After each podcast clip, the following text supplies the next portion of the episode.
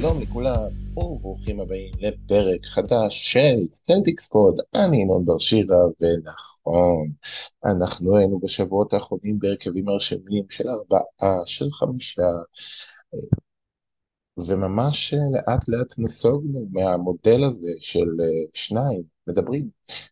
ודווקא היום אנחנו חווים רגרסיה חמורה, אה, כשברגע האחרון מסתבר שאני כאן, בלי סולו ולא, אני לא יכולתי להרשות לעצמי שבגלל שלא באו להקליט איתי, נוותר ככה על תוכן אה, עברי של בוסטון סלטיקס לכל כך הרבה זמן, אז הנה, אני כאן ויש לי כל מיני דברים מעניינים שחשבתי עליהם, כמובן, גם נתונים וגם דברים נוספים, וגם כמובן לענות על השאלות שלכם, אה, בתקווה שבחצי שעה, 40 דקות הקרובות, אה, יהיה לנו מעניין לחשוב ביחד, אני ואתם, על אה, סלטיקס שלנו. אז, הדבר הראשון חשבתי להגיד על זה, זה דבר נורא מוזר ונורא שונה. בוסטון סלטיקס שאנחנו היינו רגילים אליה בשנים האחרונות, ושדיברנו עליה כבר חמש שנים בפודקאסט הזה, וזה שנראה עד כה שבוסטון סלטיקס גרסה 22-23 היא קבוצת NBA טובה ונורמלית.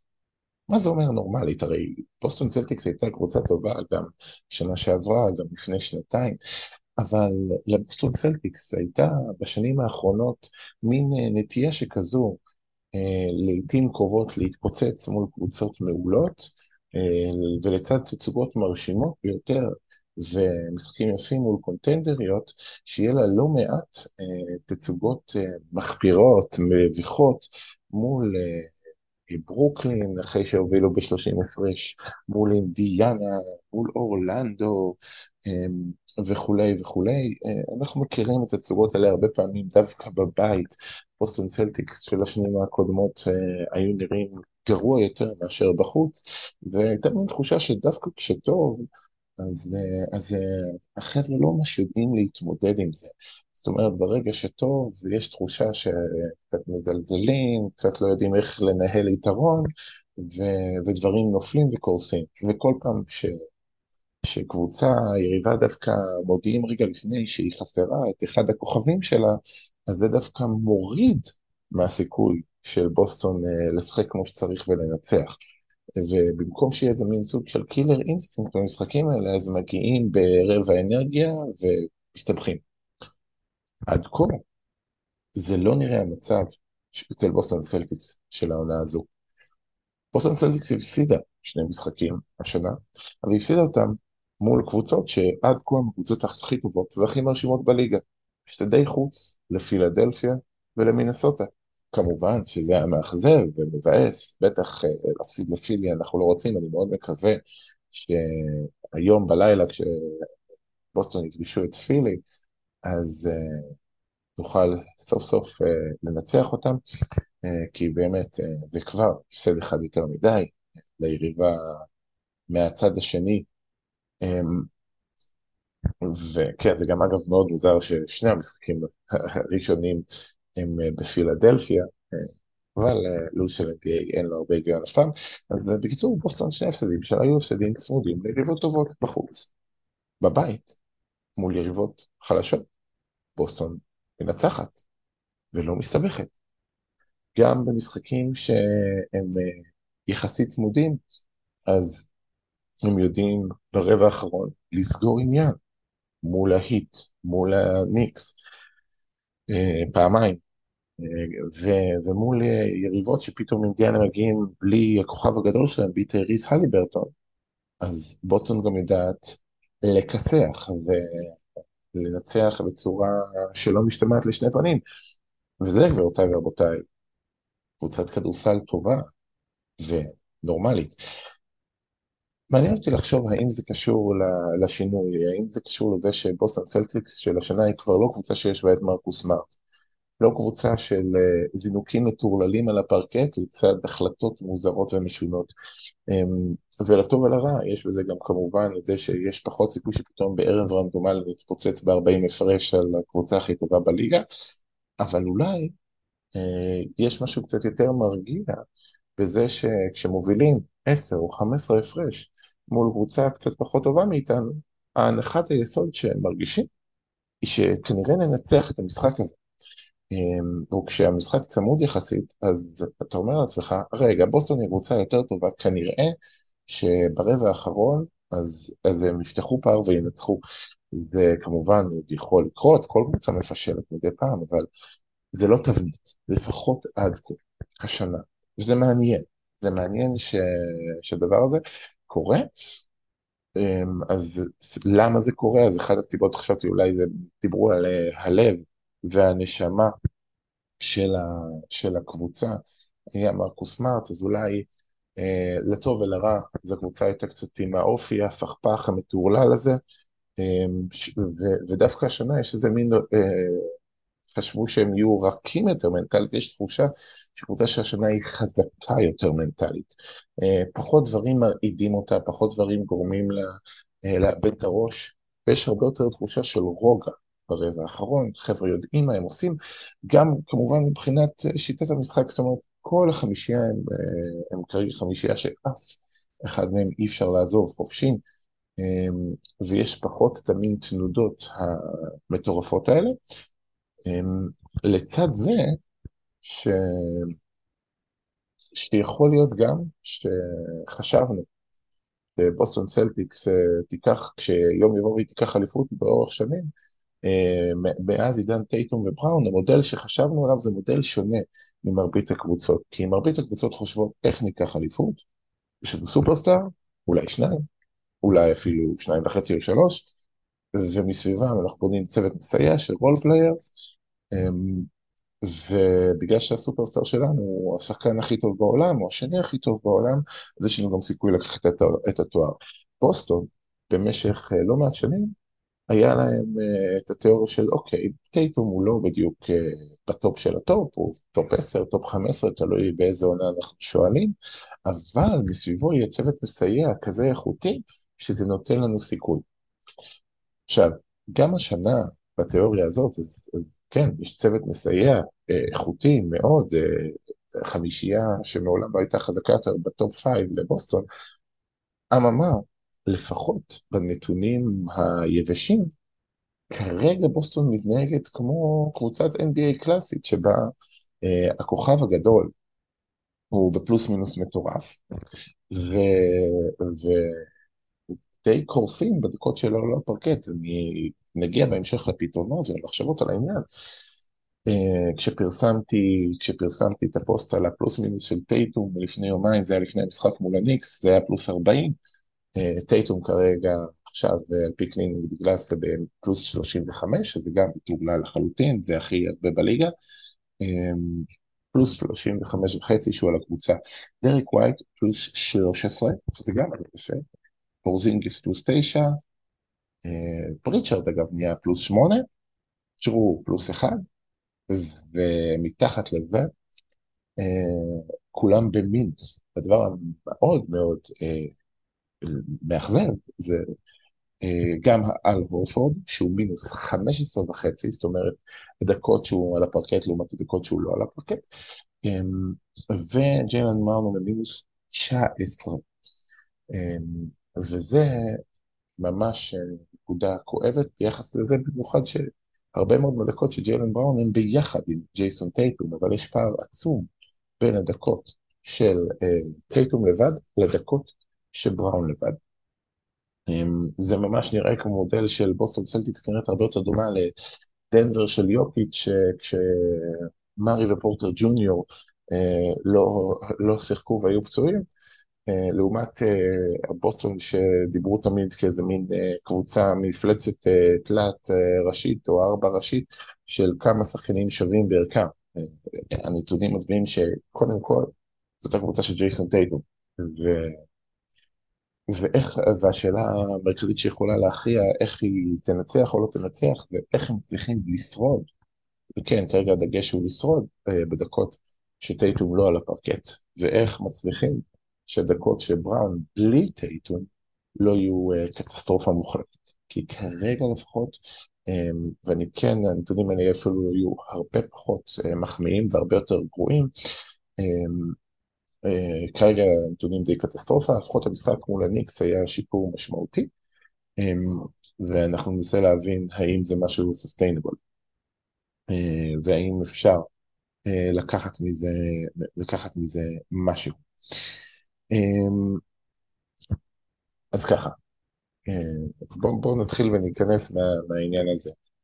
במשך הרבה מאוד שנים הגישה של מאמני בוסטון הייתה אה, לחלק את הדקות שטייטום ובראון על הספסל. זאת אומרת, להבדיל מגישת הדוק ריברס שאנחנו מכירים, שהיה משאיר אה, את הכוכבים אה, ביחד אה, על הפרקט וגם ביחד על הספסל, ונותן למין second units כאלה של נייט רובינסון וביג בייבי ביחד לשחק. אמ, אז בוסטון סלטיקס בעידן טייטום ובראון היה תמיד ברור שיש את הדקות שטייטום והמחליפים, יש את הדקות של בראון והמחליפים. כשבפער, אה, גם לאורך שנים, אה, זה המגמה שהדקות של טייטום מחליפים הם דקות טובות של בוסטון, אפילו טובות מאוד, הם די אה, רוצחים את ה-second units של הקבוצה ממול, וכדקות של בראון המחליפים לא טובות. כאיזושהי הגדרה, יש את זה יוצאים מן הכלל, אבל בגדול בכמה שנים האחרונות יש פער עצום בנתונים של טייטון ווואו. אז איך פותרים את זה? אה, הצעה אחת שמאוד אה, ברורה זה קודם כל להתייחס אחרת לטייטון ולבראון, כי הם לא אותם שחקנים. אני חושב שאולי אחת הבעיות שלנו ושבכלל, כשאנחנו מדברים על טייטון ובראון, ושנייה כמובן מפריד את כל המחוץ לפרקט, אנטישמי לא אנטישמי, ג'יילן בראון הוא שחקן כדורסל טוב. אבל הוא לא ג'ייסון טייטום, והוא לא אמור לשחק כמו ג'ייסון טייטום. ברגע שהוא מנסה לעשות את זה, שהוא מנסה להיות זה שמוביל כדור, ה top of the key, מייצר לאחרים מצבים, הוא פשוט לא עושה את זה מספיק טוב. מצד שני, ג'יילן בראון הוא player, play finisher מדהים.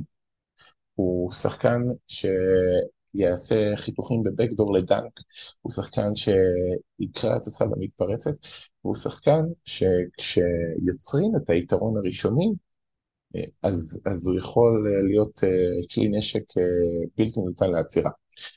אמ, אז, אז השאלה הגדולה היא, כשהוא משחק בהרכבים בלי, בלי ג'ייסון טייטום, כשהוא הבן אדם הטוב ביותר ליצור את אותו יתרון ראשוני, האם אפשר לייצר מצב שבו אה, הדרך של בראון לקרוא את המגרש אה, מתבטאת בצורה שלא תפגע בנו. ולמה אני מתכוון? אה, נוצר אה, כימיה, נוצר כימיה לא רעה בכלל בין בראון ופורזינגיס, זה גם עבד טוב במשחק מול הניקס, והסיבה שהנתונים של הפלוס מינוס שם היו טובים של שניהם. אה, נוצרה ממש כימיה טובה, ואני מבין גם למה.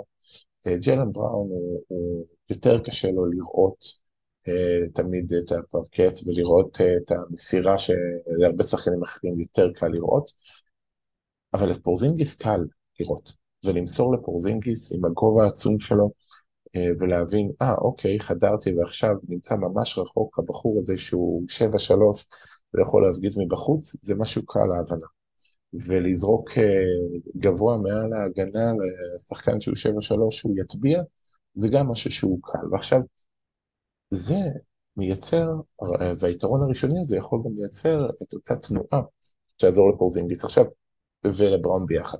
עכשיו, בנוסף לזה, חשוב שיהיה, גם לא יכול להיות מצב שווייט וג'רו לא על הפרקט שניהם. אני חושב שכל אה, אה, עוד טייטום, אה, טייטום יכול להיות לבד עם ארבעה מחליפים, אבל עם בראון על הפרקט ובלי טייטום, אז צריך שיהיה קודם כל פורזינגיס שם, ולפחות דריק ווייט או ג'רו הולידיי, ואם אפשר, שניהם. אני חושב שכרגע הניסיון המרכזי הוא לעשות מין סוג של הרכב כל החמישייה אה, חוץ מטייטום, אפילו אה,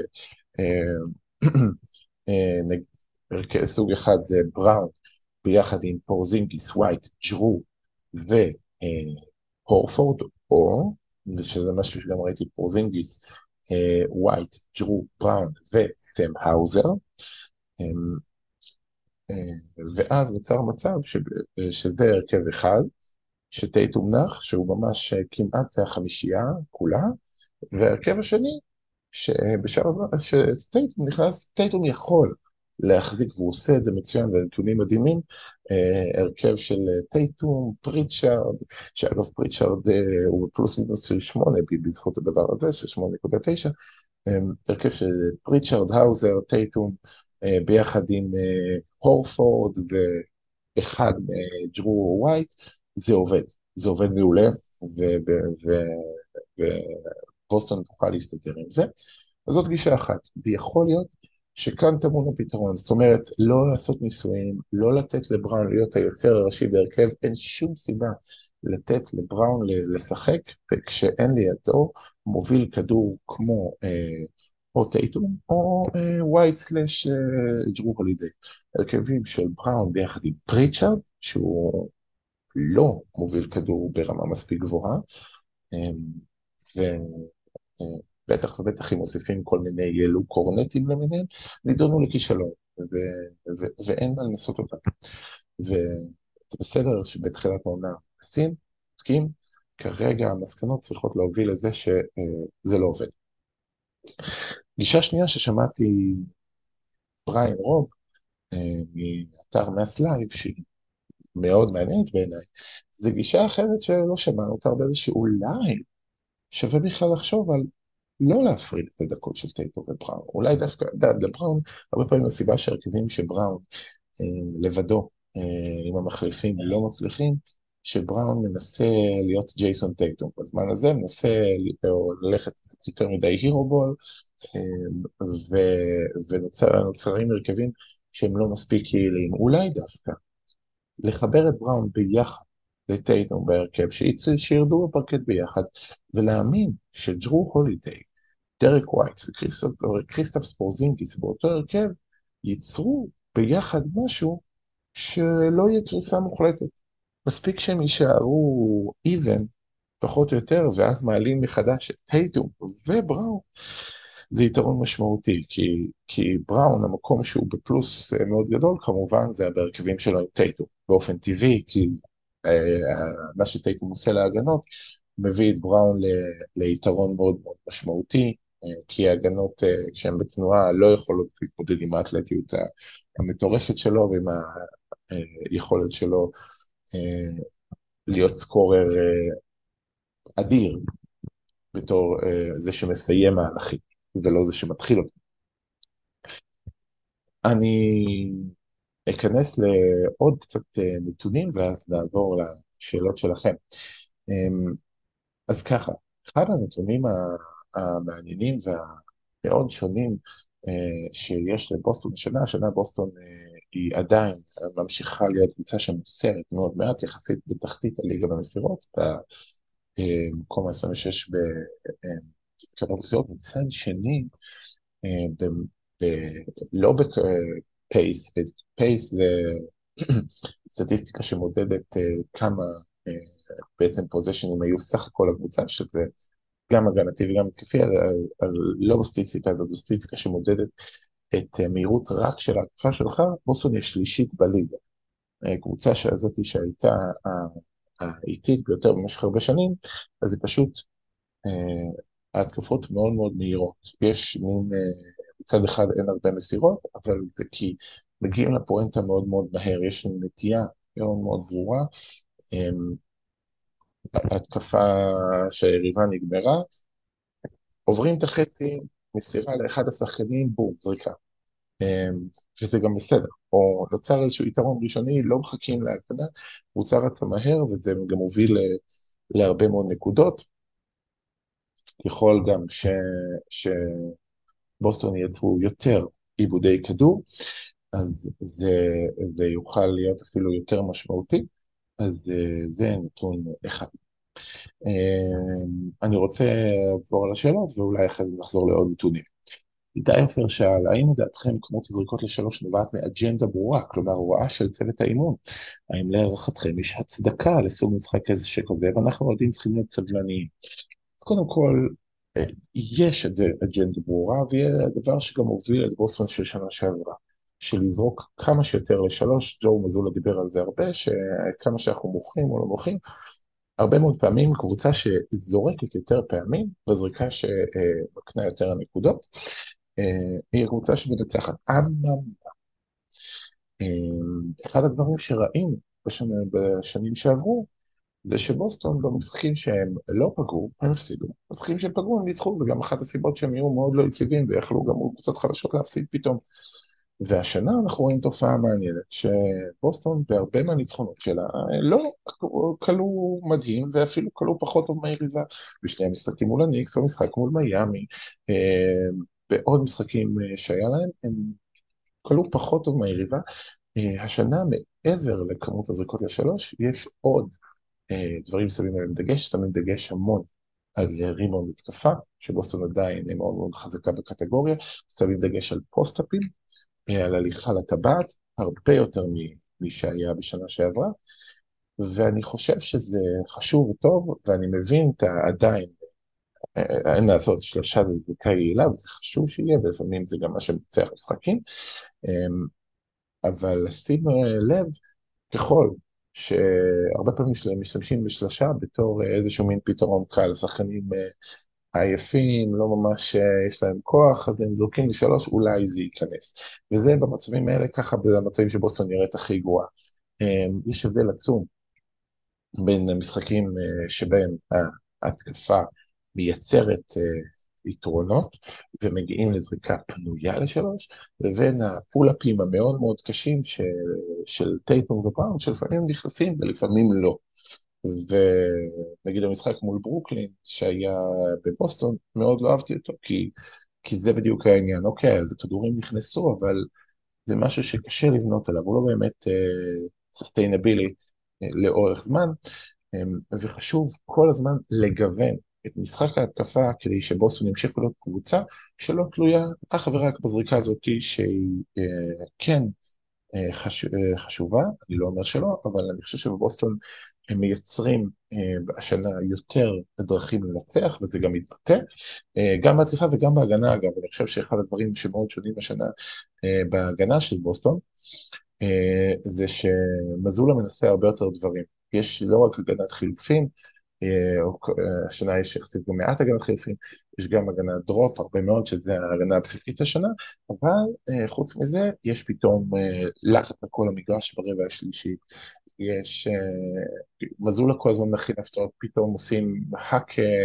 גובר, או האק אה, מיץ' רובינסון, פתאום עושים אזורית 212, פתאום עושים טראפים למובילי הכדור, יש כל הזמן איזשהו ניסיון לגוון את זה, וזה גם חשוב על פלייאוף לשנות קצת את המבע שמביאים לקבוצה היריבה, וגם יש זה מייצר יותר עיבודי כדור ויותר אפשרות לקבוצה היריבה לרוץ. אה, כרגע אה, ההגנה של בוסטון היא ההגנה השנייה בליגה ביעילות, על פי Cleaning the Glass. אה, כמובן הראשונה זה ההגנה שפגשנו של מינסוטה, ואפילו כרגע לפחות הראשונה בפער, אבל סתם שתדעו, גם שנה שעברה בוסטון הייתה הגנה שלישית בטיבה, אבל זה גם קשור לזה ששנה שעברה, לפחות כרגע, היו מעט מאוד הגנות טובות. defensive uh, rating של בוסטון היה באזור ה-111, והשנה הוא 104, זאת אומרת הוא הרבה יותר טוב, יש הגנה הרבה יותר חזקה מהגנה של שנה שעברה. Um, היריבות, uh, קליעות לבוסטון חלש מאוד יחסית לאחרים, גם שני באחוזי הקליעות של היריבה. Uh, גם בוסטון כמעט ולא עושים פאול, היריבות לא מגיעים לקו, uh, הם שומרים על הריבאונד, יש אה, דגש מאוד מאוד חשוב על הליכה לריבאונד, בוסטון היא קבוצה החמישית בשמירה על הריבאונד הגנה שלה.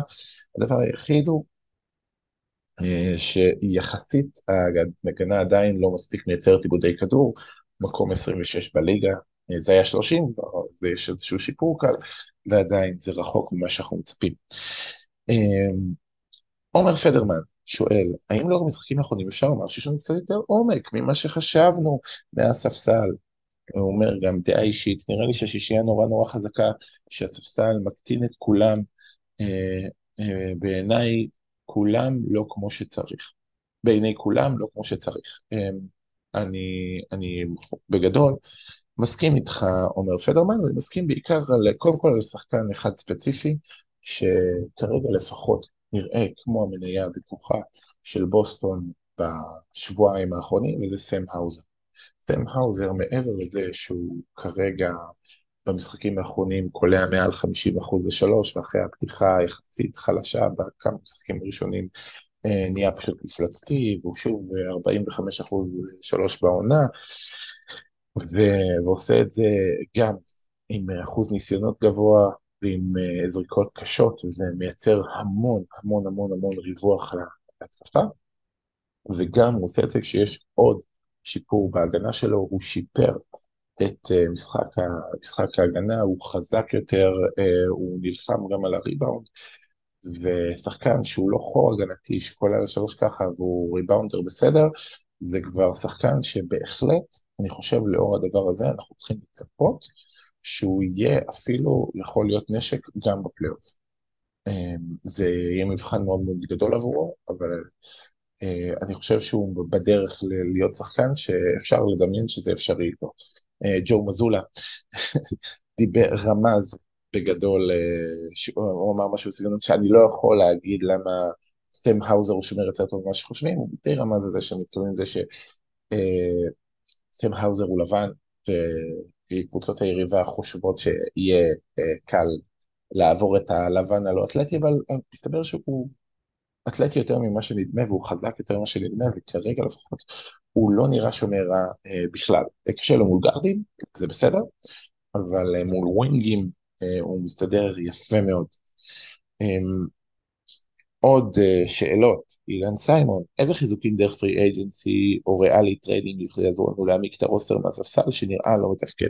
אז שוב, אני חושב שכרגע לפחות נוצר איזשהו אה, ספסל יחסית סביר, לא מדהים, אבל נבנה משהו, פריצ'ארד, שאומנם עדיין לא ממש פוגע, קצת התחיל, אבל רחוק מהאחוזים שדמיינו ולא הסקורינג שדמיינו, הוא עושה הרבה את הדברים שמעבר, הוא נלחם, הוא לוחץ, אה, בלחץ על כל מגרש הרבה זברגים של פריצ'רד על המגרש, הוא לוחץ יפה על כל המגרש, הוא לוקח באונדים בהתקפה עם כל הגובה שלו.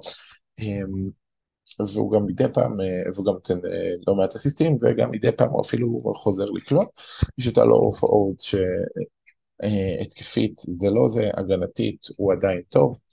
אמ, ולוק רונן שנראה סביר במשחקים האחרונים, אה, לא, זה לא מספיק, צריך לראות מה יהיה עוד, האם יהיה חיזוקים דרך פרי אייג'נסי, אה, קשה לדעת כי כרגע מי שלא משחק זה שחקנים שיש סיבה שהם לא משחקים בקבוצה, אה, trade ים, יהיה שווה לראות, יש לנו עדיין את ה-TPE של גרנט וויליאמס, שיהיה שווה לראות אה, האם יש את מי להביא, אה, קודם כל אולי עוד איזשהו backup big, עדיף איזה אחד עם אה, בשר, מה שנקרא, ו, ולא הייתי פוסל אה, עוד איזשהו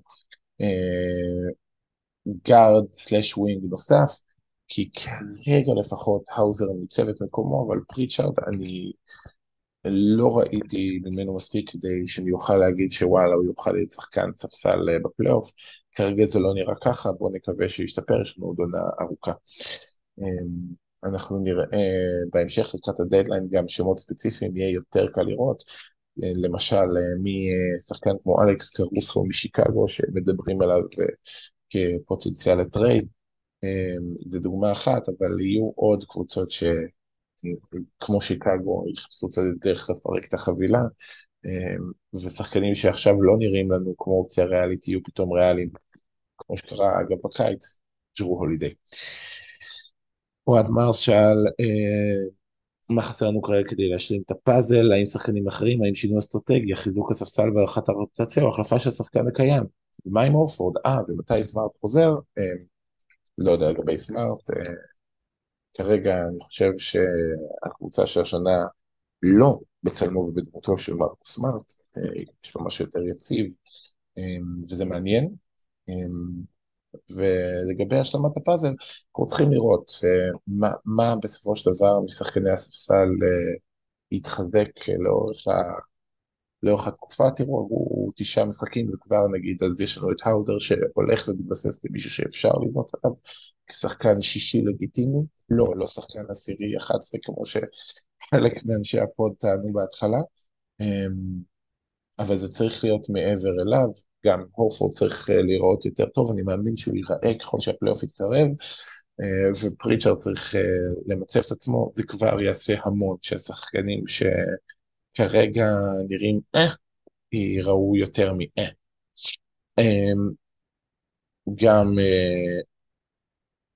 אורן ולסקי שאל על הספסל, עד כמה קורנט האוזר ופריצ'רד השתפרו והאם זה מספיק ללכת עד הסוף, דיברנו על זה. הוא שאל שוב, את מי היינו רוצים לקרוא ל trade על ג'יילן, ואני שוב אזכיר שג'יילן עד uh, כמה ימים אחרי התחלת מועד העברות של העונה הבאה, אי אפשר להעביר אותו שום מקום. צריך לקבל את הטוב שלו, ואין דבר כזה, ה trade ים כמו trade ג'יילן בראון, לא תקבלו שחקן שהוא ברמה של ג'יילן בראון.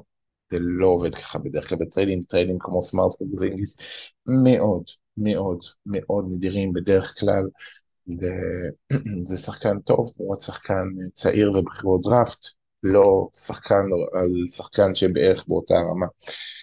אמ, מה רואים משם שלא רואים מפה? מפה רואים שאין ספסל, שאל וויסאם זידן הנדסה, אמ, ומעבר סבבה, אנחנו מדברים המון על הספסל, אבל כרגע אנחנו מדברים על קבוצה גם שהיא אה, עם אה, קצב של 65 ניצחונות, ואם נאמין לנט רייטינג שלה, זה קצב של 70 ניצחונות. אז כרגע לפחות אה, מה שיש עובד, ומספיק הרגו קבוצות כדי שהדקות של הכוכבים בינתיים בממוצע סביר מאוד, והם נחים הרבה מהרבעים האחרונים, ככה ש- so far so good. אז עם כל הכבוד לאין ספסל, יש חמישייה, והיא עובדת מעולה. יש ראוזר, כרגע זה גם מספיק. אמ, איציק זילברשטיין שואל אם אנחנו רוצים להעלות את ירדן להופעה אורחת, איך לא חשבתי על זה? אה, איציק, אה, נסה לתאם אותי בפרטי, אני ממש ממש אשמח שירדן תתארח בפודקאסט הבא, ממש נשמח. אמ, ירדן שאלה גם, אה, עד שהיא תתארח, לפחות שנענה על השאלה שלה, איך משחקים בלי בראון, איזה שחקן מהספסל יכול לתרום? דיברנו על זה, אה, לגבי הפלייאוף, אה, האם אפשר לנצח את דנבר, את מילווקי, את פיניקס.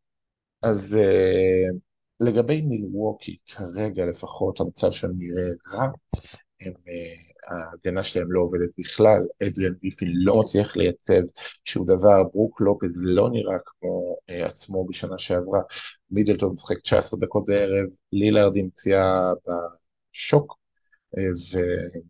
וממש לא נראה כמו עצמו מתחילת העונה, ואפילו יאניס לא נראה כמו עצמו, והשלם הזה אפילו נראה רע, משחק לך על הקו, אפילו המאזן 6-4 מטעה כיכולת שלהם אה, הייתה הרבה הרבה הרבה פחות מזה, העונה עוד ארוכה, זה יכול להשתנות, אבל כרגע מילווקי נראים רע מאוד, הם לא עוצרים אף אחד, יהיה להם מאוד קשה לעצור את בוסטון. אמ, דנבר נראים מפחיד, נראים מדהים.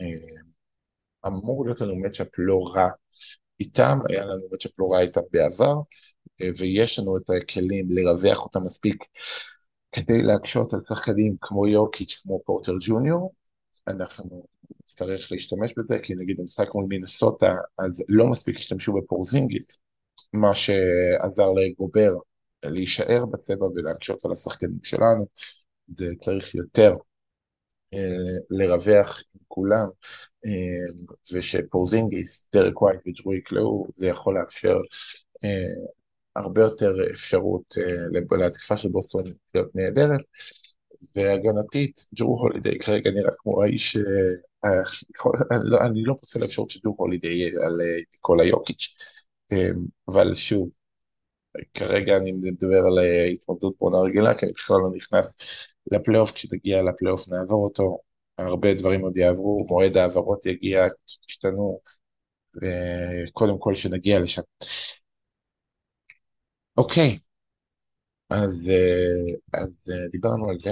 אני רוצה לפני שנסיים, אני רוצה רגע להתמקד במשחק הקרוב שעובר, שהולך להיות לילה מול פילדלפיה. רק שנייה.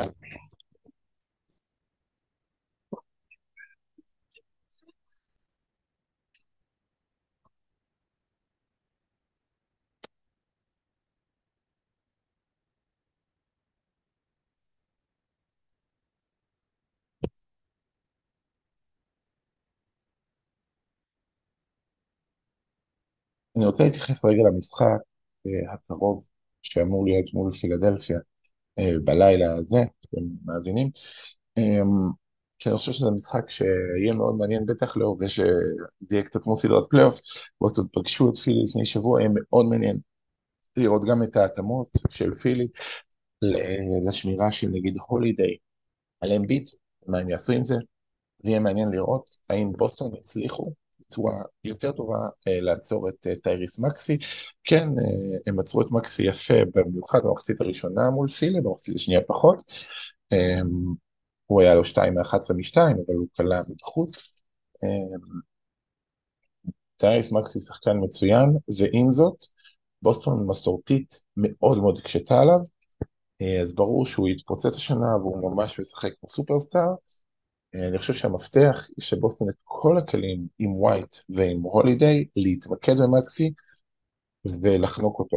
וממש לגרום לו למשחק קרב ברגע שזה יהיה זה בעיניי המפתח להצליח לנצח את פילי גם אם אמביד קולע 45 נקודות אבל הוא עושה את זה לא מול דאבל טים אלא מול שומר יחיד ומקסי לא מתפוצץ אה, וכל הקלעים מסביב לא מתפוצצים, אז יש לבוסטון סיכוי וסיכוי לא רע לנצח גם בפילי.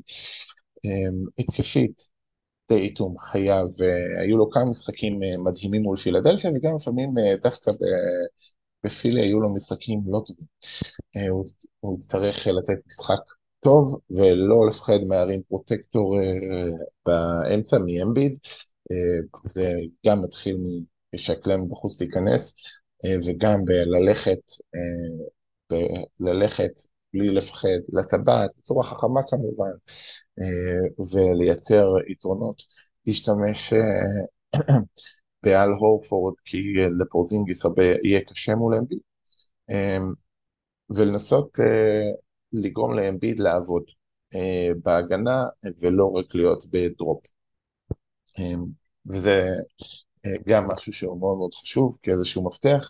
ניצחון על פירי יהיה מאוד משמעותי, גם מורלית, גם בעניין ה tie breakers, כי אה, אם פילי כרגע נראים כמו המתמודדת המרכזית במזרח, אז כן, כבר חשוב להתייחס למאזנים אה, פנימיים בין הקבוצות, שאם המאזן יהיה זהה, אז אה, שהקבוצה שתנצח יותר היא זו שתהיה במיקום העדיף. אז כן, זה עוד מוקדם, אבל, אבל יש חשיבות יתרה בלנצח את פילדלפיה אה, גם במצב הנוכחי. אמ, אחרי אה, פילדלפיה אז יהיה לנו שוב מפגש מול טורונטו שינסו לנקום על המעשה השפל, הנורא והיום של ג'ו מזולה שלקח מולם ב-27 הפרש challenge הם אה, היו מזועזעים מהעניין, איזה חוסר ספורטיביות בעיניי, אתם לא רוצים שהוא ייקח challenge ב-27 הפרש אז אל תיקחו challenge, גם כשזה היה מהצד השני מול בוסטון, אני לא התרשמתי מהמחאות הגדולות שהיה אז, אה, כשבוסטון שיחקו מול דנבר, אם אתם זוכרים, וג'מאל מארי זרק כדי לקלוע את החמישים נקודות שלו כשהם כבר ניצחו, וקיירי מאוד התעצבן. אתה לא רוצה שישח... שיתנהגו אליך בחוסר ספורטיביות שאתה בפיגור עצום, אז אל תיכנס לפיגור עצום. זה ההצעה שלי, ומזול ההסבר שלו לשחקנים היה דווקא מאוד יפה ומשכנע, זה שהוא אה, אה, רוצה לאמן את הספסל שלו כמו שהוא מאמן את החמישייה הראשונה, ויש לו מחויבות גם אליהם שהם על הפרקט להיות המאמן שלהם, ואם השחקן שלו נלחם ומבקש challenge, הוא יהיה שם בשבילו ויבקש challenge, ונראה לי שזה הסבר לגיטימי. אז יהיה מעניין לראות האם אה, טורונטו ינקמו את המעשה הנורא שמזולה עשה, או לא. אז מקווה שהצלחתם uh, ליהנות למרות שאני uh, פה סולו ובהמשך אז גם צריך דברים, uh, נשמח מאוד uh, שירדן זילברשטיין תהיה בפודקאסט הבא, אנחנו ננסה גם לתאם את זה, uh, אבל אם גם אתם רוצים להוסיף uh, את מחשבותיכם, להצטרף, אז כמובן אה, המטרה היא שהפודקאסט הזה יהיה כמה שיותר קהילתי ומחבר לכל אוהדי סלטיקס באשר הם, לשמוע את הקולות השונים, גם אלה שלא מסכימים, כמו שראיתם אה, אנחנו הבאנו לפה לא קול אחיד, אלא גיוונו, ואנחנו ממשיכים לגוון עם כמה שיותר דעות, וכל דעה חשובה ומעניינת. אמ, אני רוצה בינתיים להגיד אה, תודה רבה לכם, מאזינים יקרים. אמ, זה לא מובן מאליו אה, בעיניי שכמות ההאזנות גם בתקופה הזו נמצאת ברמה הזו, שעדיין כמות מאוד מאוד יפה של מאזינים מקשיבה, כמו לפני, זה מראה שזה חשוב לכם, כמו שזה חשוב לי אגב, להתעסק שנייה בעוד משהו מעבר ובבוסטון סלטיקס. אז אנחנו נתראה בשבוע הבא בפרק נוסף של ווד. יאללה ביי.